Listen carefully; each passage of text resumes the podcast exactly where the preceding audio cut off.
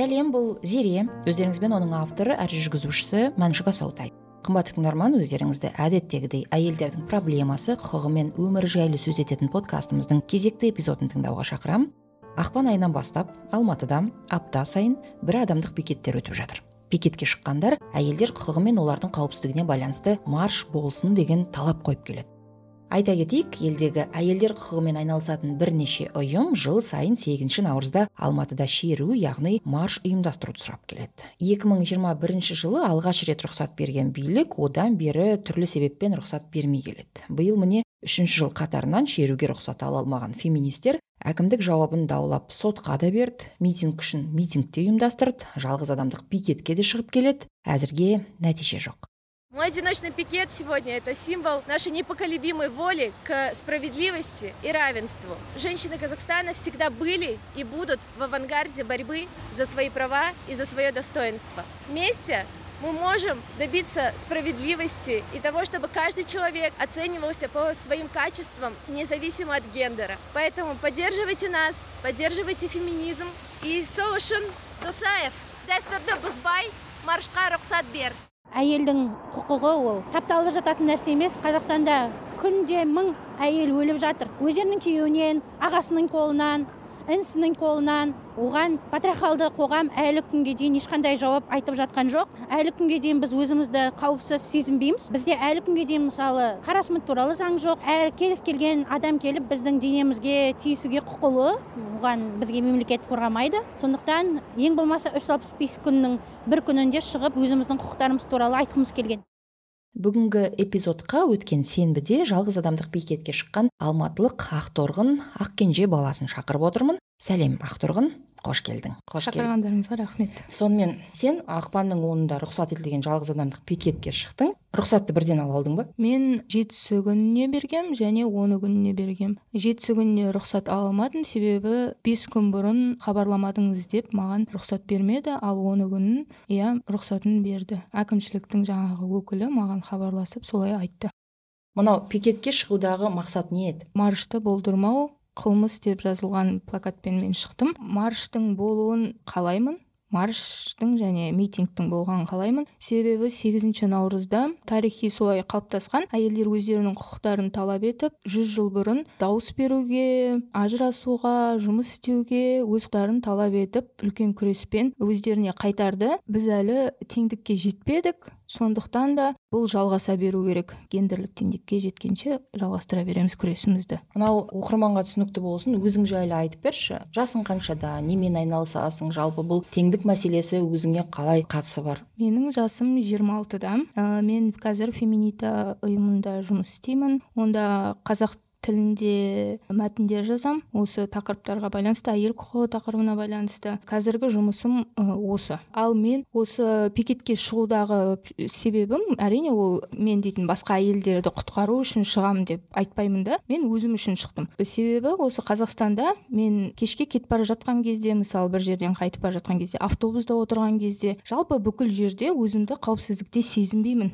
Неге мен қауіпсіздікте сезіне алмаймын? Біз кезінде адамзат болып келістік. Мемлекет қолына қауіпсіздікті қамтамасыз етуді беріп қойдық. Ал қазір ол қауіпсіздікті қамтамасыз ете алмай отыр әйелдер үшін. Статистиканы білеміз. Жылына 400 әйел өз жақындарынан қайтыс болады. Мен солай көшеде кетіп бара жатып біреудің қолынан қаза тапқым келмейді не зардабы тигенін қаламаймын. Зардабы тиген күннің өзінде де полиция бөлімшесіне барып менің арызымды қабылдайтынына сенімді болғым келеді. Біз ондай кейстерді де білеміз. Полиция бөлімшесіне барып әділеттілікті талап етіп тұрған кезде қабылдамай қойған кейстерді де білеміз. Маған барлығы оның барлығы өзімді жайлы сезінуге басқа да шаруалармен айналысуға өзімнің бір арман мақсаттарыммен айналысуға мүмкіндік бермей тұр. Маған бұл зат ыңғайсыз мен сол үшін осындай бір адамдық жалғыз адамдық пикетке шығам. Ә, сегізінші наурыз күні басқа әпке құрбыларыммен ынтымақтасып өздеріміздің құқықтарымыз бен жалпы талаптарымызды айтуға шыққым келеді. Себебі ол менің мерекем өзімнің құқығымды айтып құқығымды таптатпаған күн сондай сегізінші наурыз деген. Сол үшін. Жалпы енді мынау қоғамда ер азаматтар әйелдердің өз құқығы жайлы. Айтып жатқан өздерін қауіпсіз сезінбейтіндігін айтып жатқанын өздерін алып қашатындықтарын сосын зорлық зомбылық көретіндерін айтқанда сенімсіздікпен қарайтын сияқты да. Жалпы сенің пікіріңше жалпы қазақстанда қыздарға қандай қауіп бар? Жиі кездесетін. Біріншіден жас қыздарға келетін харасмент оқу орындарында мектептерде жұмыс орнында содан кейін ағам әкем ұрды соқты деген нәрсе ақшалай түрде бір манипуляциялар өздерін жаңағы тәуелді қылып қою жаңағы ақшалай түрде. Содан кейін біз феминита лбк әйелдердің яғни лесбиян бисексуал квир әйелдердің және транс әйелдердің құқығын қорғайтын ұйым болып табыламыз. Сондықтан тағы үстіне бөлек дискриминация бар. Үм. сенің сексуал бағдарың үшін де саған біртүрлі қарауы мүмкін жұмыстан шығарып жіберуі мүмкін оқу орнынан шығарып жіберуі мүмкін. Өміріңе вообще кедергі келтіретін нәрселер жасалады. Мхм. ол да бар. Неге қоғам лгбт өкілдерін бір қауіп санайды? Неге олардан қорқады? Меніңше жалпы үкімет биліктегілер бір сондай бейнені қалыптастырғысы келеді да қоғам екіге бөлініп тұр. Міне мына жақта либералдар барлығын қалайтын лгбтсі бар бәрі бар. Сондай қоғам содан кейін мына жақта бір бір дәстүрлі қоғам дейікші. Алып қашқысы келетін келін мен жаңағы ененің проблемасын айта беретін бір сондай қоғам. И олар бір бірімен сөз келістіре алмайды деп көрсеткісі келеді. Бірақ менің ойымша осы қазақстан қоғамында 80 пайыз адамның бізбен шаруасы жоқ. Мхм. Біз өзіміздің жаңағы айтып жүрген нәрселерімізді айтып жүрміз оны заңды түрде адвокациямен шешіп жүрміз иә? Біз ешкімге барып пропаганда деген сөзді өзім қолданғым келмейді ешкімге жасап жатқан жоқпыз. Оны жалпы адамдар біледі бірақ осындай бір анти дискриминационный бір қозғалыс бар. Мхм. тек солардың біз ашуына тиеміз. Олар солай қоғамда жаңа көрсеткісі келеді. Дәл бүгін мен анти лгбт болған акциядан келіп отырмын. Бұл және билікпен барлығы бірлесіп жасалған нәрсе. Оларда рұқсат жоқ. Ә, біз митинг өткізу үшін бірнеше рет жаңа рұқсат сұрап заңға сәйкес иә рұқсат сұрап шығамыз. Ол рұқсатты бермей қалуы мүмкін. Бірақ бұл кісілер ешқандай да дайындалмаған. Мен кеше оны күні пикет өткізді деп анау желтоқсанға арналған ескерткіштің алдында мені пикет өткізді деп сол жерді тазартпақшы болыпты. Орынды ма? Иә орынды. Жаңа адыраспан түтетіп аластап құран оқытты. Барлығымыз сол перформансты көрдік. Қашан? Бүгін. Жаңа ғана. Иә жаңа ғана. Оны ұйымдастырған кім алматы қаласының общественный советі. Жоқ стоп стоп стоп сонда қоғамдық кеңеске кірген ол іште кімдер бар екен? Менің білуімше еркін рақышев деген кісі бар. Мхм. Сол депутат мәслихат депутаты. Бірақ басқаларын мен танымадым. Бірақ сол жаңа қоғамдық кеңесте отыратын кісілер. Қанша адам болды? Менің көруімше елу шақты адам болды. Өзіңді шақырды ма? Мен шақырған жоқ. Бізге сондай ақпарат келіп түсті. Біз жай архивке сақтап қою үшін не болып жатқанын көру үшін мониторинг жасау үшін бардық солда мхм. Және тікелей эфир жүргіздік. Феминита арнасында барлығын көрсеңіздер болады. Сені көрді ма таныды ма сөйлесіп көрді ма? Басында таныған жоқ мен сөйлескім келді оларға. Келіп жаңағы сәлеметсіздер ме? Мына жерде не болып жатыр? Митинг па бұл? Рұқсат бар ма? деген сияқты сұрақтар қойған кезде маған ол- олар қашқақтап ешқандай да жауап берген жоқ. Сосын ішіндегі біреуі танып қалды. Ей мынау мынау мынау! Ештеңе айта алмай ше қорқып тұрды солай. Сөйтіп таныды. Сосын бізге прям агрессиямен ана жерден жаңағы шығарып жібергісі келді. Мынау қанды жер дейді. Сендер мына жерге тұруға болмайды кет мына жерден деді. Тыңдарманға еске салайын бұл жер алматы қаласының алаңының маңында орналасқан желтоқсан құрбандарына арнап орнатылған ескерткіш болатын. Монумент монумент. Тәуелсіздік таңы деп аталады. Иә сол монументтің алдында оны күні өзің жалғыз адамдық пикет өткіздің сол монументті таңдап алуға не себеп болып еді? Ол жерде әйелдің бейнесі бейнеленген қаланың ішінде байқайтын шығарсыз әйелдерге вообще арналған ескерткіш көше тарихи жерлер өте аз. Тек қана мәншүк мәметова мен алияға арналған бір ескерткіш бар өте белгілі. Сосын мына жер бар. Мен осы жерді таңдадым. Мен жалпы өзімнің жоспарымда әр апта сайын жаңағы жалғыз адамдық пикетке шығып тұру әртүрлі жерде шығып тұрамын деп ойлағанмын мхм. Және таңдауыма осы себеп болды. Әйелдің бейнесі бейнеленіп тұрғандықтан. Енді бүгінгі акциядан кейін қандай сезімдесің? Қандай көңіл күйдесің? Мен қайтадан сол жерге барып тұрамын. Пикетке шығамын. Әйелдердің құқығы үшін күресімді жалғастыра беремін деген ойдамын. Сонда қоғамдық кеңес өкілдері сенің феминита мүшесі болғаны үшін лгбт қауымдастығының адамдарының құқығын талап еткенің үшін сол жерде тұруға лайықты емес екеніңді айтты. Мен тіпті қазақ емес екенмін. Бізге көп келетін жаңағы пікірлердің бірі не істеп жүрсің мұнда? Анау кетсе басқа жерге сол жерде тыныш өміріңді сүре бер жаңағы европаны айтады да европаға кет дейді. Бірақ адыраспанның иісін иіскеп өскен ауылда өскен прям қазақтың әжесінің баласымын өзім атым айтып тұр ғой қазақша сөйлегенім де олардың бір андай ашуларын келтіретін сияқты ана жерде. Мен барып қазақша сөйлесіп тым жақсы қылып айтып тұрғаным не істеп жүрсіздер мына жерде деп сөйлескім келгеннің өзі оларды қорқытады да. Билік бізде қорқады мынандай жаңағы қоғамдық кеңестің адамдары қорқады мен түсінбеймін неден қорқатынын. Сосын осы жақында ойланып отырып мүмкін еркіндігімнен қорқатын шығар. Билік те біздің еркіндігімізден қорқады. Жалпы халықтың еркіндігінен қорқады. Барлығын тек шекарада ұстап тұру керек та өздеріне ыңғайлы. Бүгін мысалы лгбт ның құқығын сұрап талап етіп тұр. Ертең не сұрайды? Ертең мүмкін маған ұрлама деп айтатын шығар деп қорқады да. Ал біз демократияға жету үшін барлығын цензурасыз вообще ашық айтуды талап етуіміз керек деп ойлаймын. Жалпы қазақ деген сөз вообще еркін дегенді білдіреді ғой сол мен өзімнің еркіндігімді жоғалтқым келмейді мына еркектердің кесірінен билікте отырған. Даусыңнан сенің ішкі көңіл күйің байқалып тұр да? Әлі бойыңнан ана бір агрессияны көріп келдім ғой иә. Олар қол жұмсауға өздерін ұстап тұрған көрініп тұр да. Мен денеме прям қолдарын тигізіп итеріп жатыр да. Жай сөзбен емес сосын мен ана жерде тұрып айтып жатырмын да. Зорлық зомбылыққа жол жоқ. Заң бар мына жерде. Сіз басқа адамға тиісуге ешқандай құқығыңыз жоқ. Мен осы қазақстанның азаматы ретінде осы жерде тұруға толықтай құқығым бар. Сіз мені қуып жібере алмайсыз деген сияқты айтылып жатқан затқа олардың ешқандай жаңа мән бермейді да өздерінің тек ашуларына бой алдырып мына жерде прям басқа адам келіп жаңа сабыр сабыр демесе ана тоқтайтын түрі жоқ ана кісінің мысалы. Үлкен адамдар. Иә үлкен адамдар бәрі. көбісі ер адамдар. Сонда олар ол жерде адыраспанмен ана жерді тазалады. Мхм. Құран оқытты. Бәрі қол ұстасып бір жаңағы үлкен бір шеңбер жасап тұрды сол жерде. Сондай иә бір ритуал болды. Мен айтамын сосын мына жерде енді қой сойып қалды қан шығару қалды тек қана. Басқа не істейсіңдер енді? Келесі жолы шығуға қорықпайсың ба? Жоқ қорықпаймын. Не істей алады маған жалпы енді феминистер ұлттық құндылықтарға қазақ дәстүрлеріне қарсы деген пікір мынау қоғамда жиі айтылады. Оны өзің де естіп жүрген шығарсың. Осы пікірдің қаншалықты негізі бар қалай ойлайсың? Біз бүкіл жаңағы қазақтар кезінде істеп кетті деген нәрселердің барлығына жаңа мынау осы киелі осылай жүре беру керекпіз деп қарамауымыз керек. Қазір ойлануымыз керек. Біз қандай қоғамда өмір сүріп жатырмық мынау маған ыңғайлы ма? Ыңғайлы емес па деген сияқты. Жаңағы дәстүрлер дегенде көбінесе жаңа келін дегенді айтады алып қашуды айтады. Бірақ қазір 21 бірінші ғасыр ғой. Заң бар міне сен дейтін еркін адамсың ғой. Барып адам құсап үйленуге болады. Ей менімен бірге боласың ба?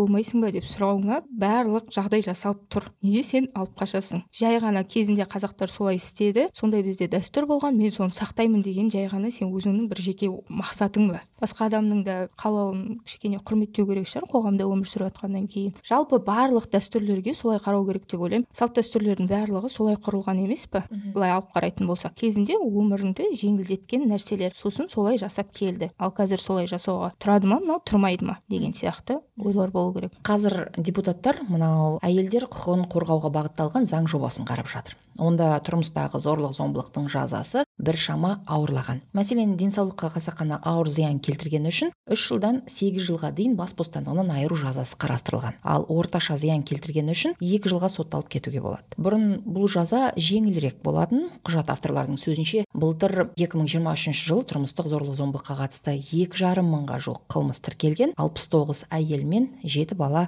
көз жұмған екен. Бір қарағанда көп үміт арттыратын құжат болғанымен ондағы харасмент пен сталкинг туралы алғашында болған баптар жұмыс тобынан қолдау таппай түсіп қалған екен. Дегенмен мен сөйлескен бірнеше қыздар харасменттің де сталкингтің де барын оның зорлық пен ұрып соғудан еш айырмасы жоғын дәл солар секілді қауіпті екенін айтады. Сен не дер едің бұған қатысты? Біз қазір андай технологиялық заманда өмір сүріп жатырмық қой адамның қай жерде отырғанын қай жерде жүргенін оп оңай біліп алуға болады. Да және соны көпшілік ер адам бәрі демекші анау қызды аңдып ә, артынан қоймай бәрін жаңағы андай осы қызды алмасам болмайды деген бір андай бір жануарлық бір инстинкттер оянады ғой әйтеуір сондайды істеу үшін өздеріне просто жақсы қолданады деп ойлаймын. Егер бұл заң жобасына ілігетін болса көп адамды бұл зат тоқтататын еді. Егер бұған кәдімгі жаза қолданатын болса. Кішкене жан адам осыны істейін деп жатқан адам ойланады да мынаған жаза бар қой тыныш жүрейін мен. Мына адаммен кәдімгі көпшілік бар жерде сөйлесіп көрейін бірінші деген сияқты. Мынау вообще маған керек па? Мен осындай жаза алу үшін мына қыз керек па маған деген сияқты бір кішкене ойлар тудырады деп ойлаймын. Жақсы көмектесетін еді егер болса. Алып тастағаны әрине өкінішті. Бірақ біз бұны жаңағы талап етуді жалғастыра береміз. Жалпы маршқа келсек сегізінші наурызда марш өткізу неге маңызды? Сегізінші наурыз иә тарихи күн. Жүз жыл бұрын мың тоғыз жүз он сегізінші жылы қазақ әйелдері алып қашу мен әмеңгерлікке қарсы өздерінің отырыстарын өткізген кезінде. Өздерінің құқықтарын талап етіп біз дейтін ешқандай да зат емеспіз тартып алып кететін менің қалауымсыз беріп жіберетін деген сияқты қарсы шықты. Біз мінекей жүз жылдан кейін дәл сондай затты сұрап отырмыз. Мен сенің затың емеспін мені ұрып жібере алатын мен сенімен болғым келмесе жаңағы өлтіре салатын мен сенің ешқандай да жекеменшігің емеспін. Мен бөлек адаммын деген нәрсені айту үшін бізге марш керек. Қоғамды үйрету керек. Бұл дейтін және саяси да бір мәні бар зат қой. Жалпы қоғам үйрену керек. Егер сенде бір қалау мен талап болса мемлекетке жаңағы айтқың келетін. Сен осылай иә заңды түрде осылай айта аласың. Митингке шыға аласың. Өзіңе не керек екенін осылай айта аласың. Мен ешқандай да жаңағы қарсы емеспін. Анти лгбт сияқты акция өткіземін десең де пожалуйста заңды түрде әкімдіктен рұқсат ал да шық. Біз сол үшін жаңа демократия үшін сол үшін күресіп жатырмыз ғой. Әркім өзінің ойы мен қалауын айта алу үшін еркін түрде. Барлығы бірақ заңның шекарасында болу керек. Заң бәріне бірдей болу керек. Иә. Егер жалғыз адамдық пикет үшін әкімдіктен рұқсат керек болса бірнеше адамдық тазалау акциясы үшін де иә. рұқсат қажет. Мхм мынау шеруге шыққандағы мақсат. Жалпы бұл әйелдердің проблемасын шешуге қаншалықты көмектеседі? Біз өзіміздің бар екенімізді көрсетеміз. Тек қана мен емес тек қана жаңа жанар секербаева емес тек қана әйгерім құсайынқызы емес басқа да қыздар бар әйелдер бар транс әйелдер бар. Олардың да ойы қалауы осы нәрсе екенін көрсетеміз. Біз ынтымақтасамыз. Өзіміздің ішіміздегі сезіп жүрген қорқыныштарымызбен сол жерде бөлісіп тым жақсы түрде здорово деп айтады ғой орысша. здорово түрде шығарамыз. Сол жерде шеруде өзіміздің жаңағы қалауымызды айтып бүкіл қалаға қоғамға мүмкін өздерін жаңағы бізден алыс ұстайды. Біз бармыз деп айтудың жақсы жолы. Мхм. Сол үшін керек. одан кейін нәтиже болуы мүмкін ба мысалы әйел құқығына қатысты жағдайдың өзгеруіне осындай марштар әсер етуі мүмкін бе? Әрине әсер етеді. Мысалы 2021 жылғы марш болмаса қазір біз осылай қоғам болып кешегі жаңа салтанаттың өлімінен кейін бүкіл қоғам болып дүрліккен жоқ па? Он жыл бұрын осылай дүрлігетінін мысалы біз елестете алатын ба едік. Егер осындай марштар болмаса фембикелер болмаса өмірі айта беретін айта беретін әйелдер құқығы деп жүгіріп жүрмесе осылай бүкіл қоғам болып дүрлігетінін біз елестете алмайтын едік. Әрине осылай көрініп тұру керек. Біздің бар екенімізді айтып тұру керек. Біз өзіміздің бар екенімізді жаңағы мемлекетте биліктің басында отырғандарға көрсетуіміз керек. Сол үшін маңызды. Сол 2021-дегі шеруден кейін әкімдік қоғамда наразы топтар пайда болды. Жаңағы құқық бұзушылыққа қоғамдық тәртіпті бұзуға ұласып кетпес үшін біз сіздерге ендігі маршты ұйымдастыруға рұқсат бермейміз деп өзінің уәжін айтты. Бұған қатысты не дер едің жаңа әкімшілікте отырған адамдар өздерінің жұмысын білмейді деген сөз. Қазір қандай адам отырғанын осы жауап бойынша көруге болады. Себебі қауіпсіздікті қамтамасыз ету керек. Негізі әкімдік полиция қызметкерлері сол үшін біз рұқсат сұраймыз неге мен мысалы рұқсат сұраймын да сол үшін рұқсат сұраймыз себебі қауіпсіздікпен қамтамасыз ету керек. Оған жаңа уақыты бар ма оған? Сол үшін біз жаңағы бір бірімізбен жаңа келісіп қай күнде іс шара жоқ деген сияқты заттарды келісіп сол үшін рұқсат сұрап отырмыз бұл айтып отқан жауабы өздерінің жұмысын білмейді деген сөз. Профессионал емес деген сөз. Бірақ енді қоғамда наразылық бары рас қой? Мхм бар иә. Жаңа өзің ғана барып Иә, иә, келген иә, акцияны иә. егер мысалға алсақ иә? Мхм феминизм анау айтқандай қауіпті қорқынышты дүние ма жоқ. Маған ең осы өмірімдегі еркіндік сыйлаған дүние деп айтар едім. Әркім өзі мысалы шынымен ұғынып тұшынып егер соны түсінетін болса ше ойланып қарайтын болса иә еркіндік сыйлайтын нәрсе. Сен басқалардың мысалы істе деген істеуге міндетті емес екеніңді түсінесің. Маған өмір бойы мысалы күйеуге шық деген сияқты нәрсе айтылып келді а мен ол затты қаламайды екенмін. Өзіңнің жаңа иә еркіндігіңді сезесің. Сол үшін бізден қорқады деп ойлаймын осы ер адамдар. Өздерінде ондай жоқ та. Мүмкін ол үйленгісі келмейтін шығар жаңағы бала болғысы келмейтін шығар. Анау жаса деген жұмысында жаңа әкімдікте отырып сен осындай керемет бір статусы бар жұмысты жаса деп жаңа әке шешесінің айтып отқан нәрсесіне қарсы бола алмайтын шығар. Сол үшін бізге ашулы сияқты. Себебі біз осындай еркінбіз жалпы еркіндіктен қорқады. Иә. Мынау жалпы әйелдерді ұрып соғу зорлық зомбылық туралы жаңалық казагы эң көп орналасқан оңтүстүк аймактарда көп болот. Мұның себебі неде қалай ойлайсың? Зорлық зомбылық оңтүстікте көп болады дейсіз ба? Мен өйтіп ойламаймын. Бүкіл қазақстан бойынша бізді бөлгісі келеді ғой жаңағы қалалық ауылдық оңтүстік солтүстік. Солтүстіктегілер жаңағы орыс тілді сондықтан мүмкін олар көбірек түсінеді деген сияқты. Ондай емес бүкіл жерде зорлық зомбылық бірдей. Статистикадан оны көруге болады. Мен қазір нақты айта алмай отырмын да бірақ бар ондай статистика. Сондықтан өйтіп қоғамды екі полюске бөле бергенді мен өзім жаңа ұнатпаймын. Зорлық зомбылық деген проблема бәрімізге жаңа ортақ проблема. Мен бұл жерде әдетте дәстүрлі ортада көп нәрсені көп заңсыздықты адам құқығын бұзу шектеуді дәстүрмен жауып тастайтын меңзеген түрім ғой. Әдетте сондай ортада әйел адам өз құқығын қорғай алмайтын сияқты меніңше. Ондай әйелдерге ол өмір ұнауы да мүмкін ғой. Жаңағы дәстүр дәстүр деп айта берген кезде ол құлағына сіңіп оған келісе кетуі мүмкін. Мен ондайды да құрметтеймін. Ол зат просто дәстүр деген зат. Мысалы батыста да бар. Бірақ батысты мысалы біз білеміз өздерінің құқықтарын талап еткен кезде қалай шығатындарын. Ер адамдары болсын әйелдері болсын көріп жүрміз иә көтерілістерін. Өздерінің жұмысы үшін бір әлеуметтік жағдайын жақсару үшін. Ол меніңше қоғамды екі полюске бөлудің бір түрі ғой. Жаңағы либерал мен дәстүрлі қоғам деген сияқты солай жауып тастай беру.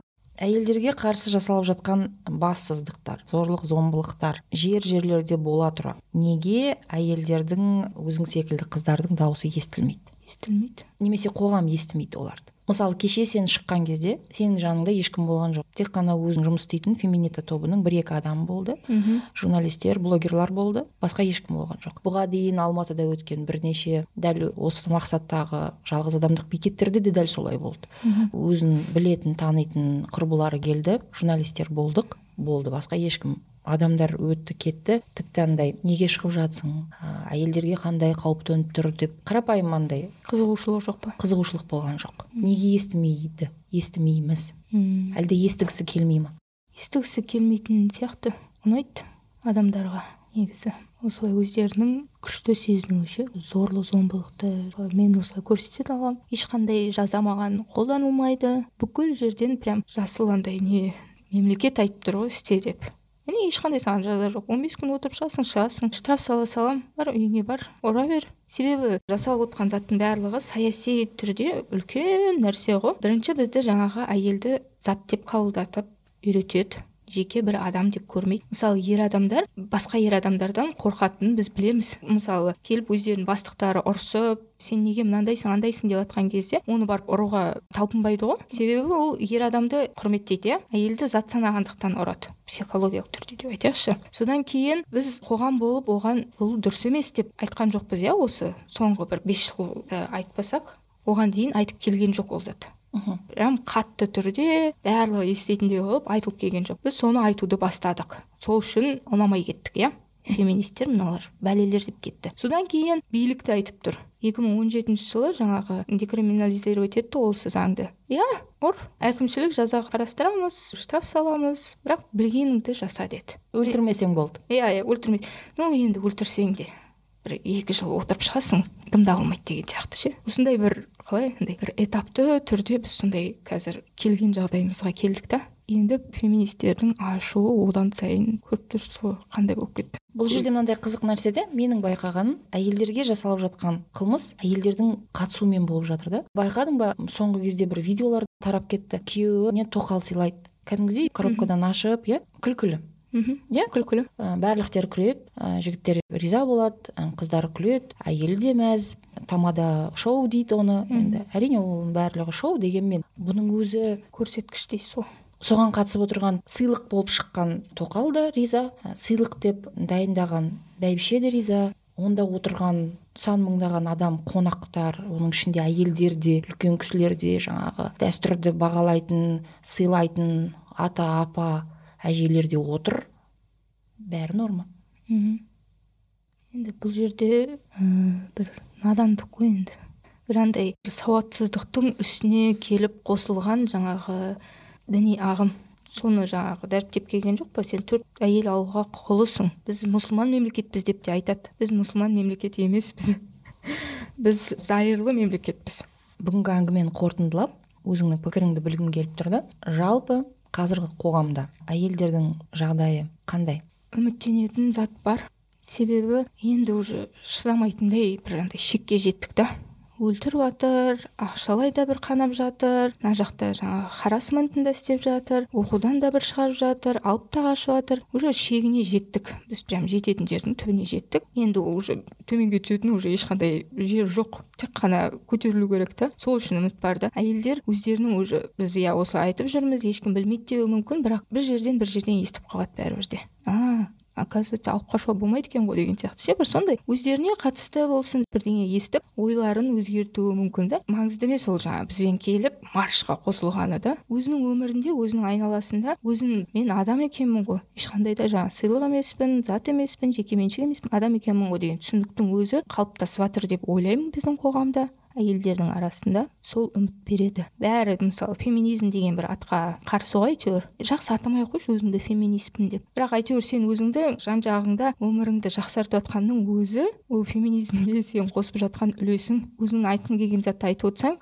сен феминизмге үлес қосып отырсың деген сөз. Сондықтан иә үміт бар қоғам өзгеріп жатыр заң қабылданса тіпті нұр үстіне нұр болар еді. Енді осындай үмітке толы жақсы нотада бүгінгі эпизодты аяқтайық. Рахмет. Өзің келіп уақыт бөлгеніңе көп көп рахмет. Жаңағы соңғы акциядан кейін әрине қобалжып тұрғаның сезілді дегенмен соған қарамастан келіп ойыңды жеткізгенің үшін көп рахмет. Рахмет сізге.